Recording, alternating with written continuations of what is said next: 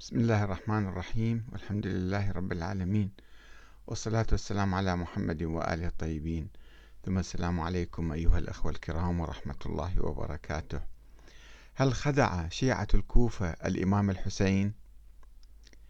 كثيرا ما يردد بعض الناس بأن شيعة الكوفة خدعوا الإمام الحسين واستدرجوه إلى العراق لكي يقتلوه فهل هذا صحيح؟ وعادة ما يردد هذا القول من يحاول إلقاء المسؤولية عن كاهل يزيد بن معاوية دفاعا عمن يعتقده بأنه أمير المؤمنين. وأن وإن مما يثير العجب هو تبرئة مستبد ظالم سفاح بعد ألف وأربعمائة عام وإلقاء المسؤولية على الولاة والجنود الصغار وعلى عامة الناس. على عامة الشيعة في الكوفة. وينسى هؤلاء طبيعة المجتمع الكوفي الإنسانية.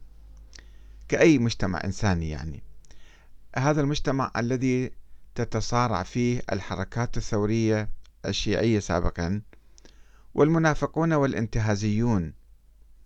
وأن ذلك المجتمع لم يكن يختلف عن أي مجتمع آخر. وإن من الخطأ النظر إليه من زاوية واحدة أو جزئية أو منحازة بدلا من النظرة الشاملة والدقيقة. يستشهد ذلك البعض الناظر إلى أهل الكوفة نظرة سلبية مطلقة بقول للإمام علي بن أبي طالب عليه السلام يشكو فيه من تخاذل أهل الكوفة في النهوض لحرب معاوية قبيل مقتله. وهناك خطبة في نهج بلاغة حول هذا الموضوع. وتمنيه أن يستبدل عشرة منهم بواحد من جنود معاوية المطيعين له طاعة مطلقة. وذلك بعد سنوات من الحرب في البصرة وصفينة والنهروان وتعبهم من الحروب المتتالية. هذا الموقف يعني بعد ما قدموا عشرات الألوف من الشهداء اتخذوا موقفا مثلا ضعيفا أو يعبر عن تعب ما.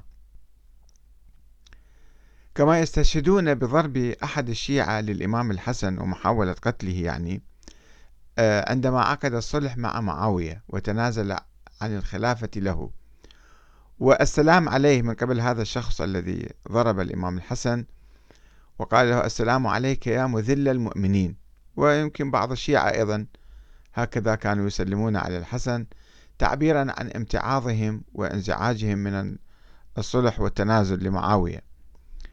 وهذه حادثة فردية لا تعبر عن الرأي العام الشيعي الذي بايع الإمام الحسن طواعية ولكنه صدم بتنازله عن الخلافة لمعاوية.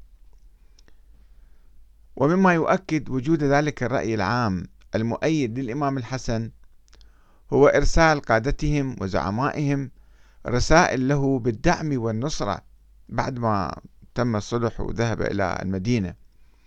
وحثه على الثورة على معاوية بعد نكثه بشروط الصلح. صحيح أن الإمام الحسن رفض تلك الدعوات وكذلك رفضها من بعده أخوه الإمام الحسين لأنهما كانا ملتزمين ببيعة معاوية. ولكن ليس من المؤكد ما ينسب إلى الحسن من القول أرى والله أن معاوية خير لي من هؤلاء يزعمون أنهم لي شيعة ابتغوا قتلي وانتهبوا ثقلي.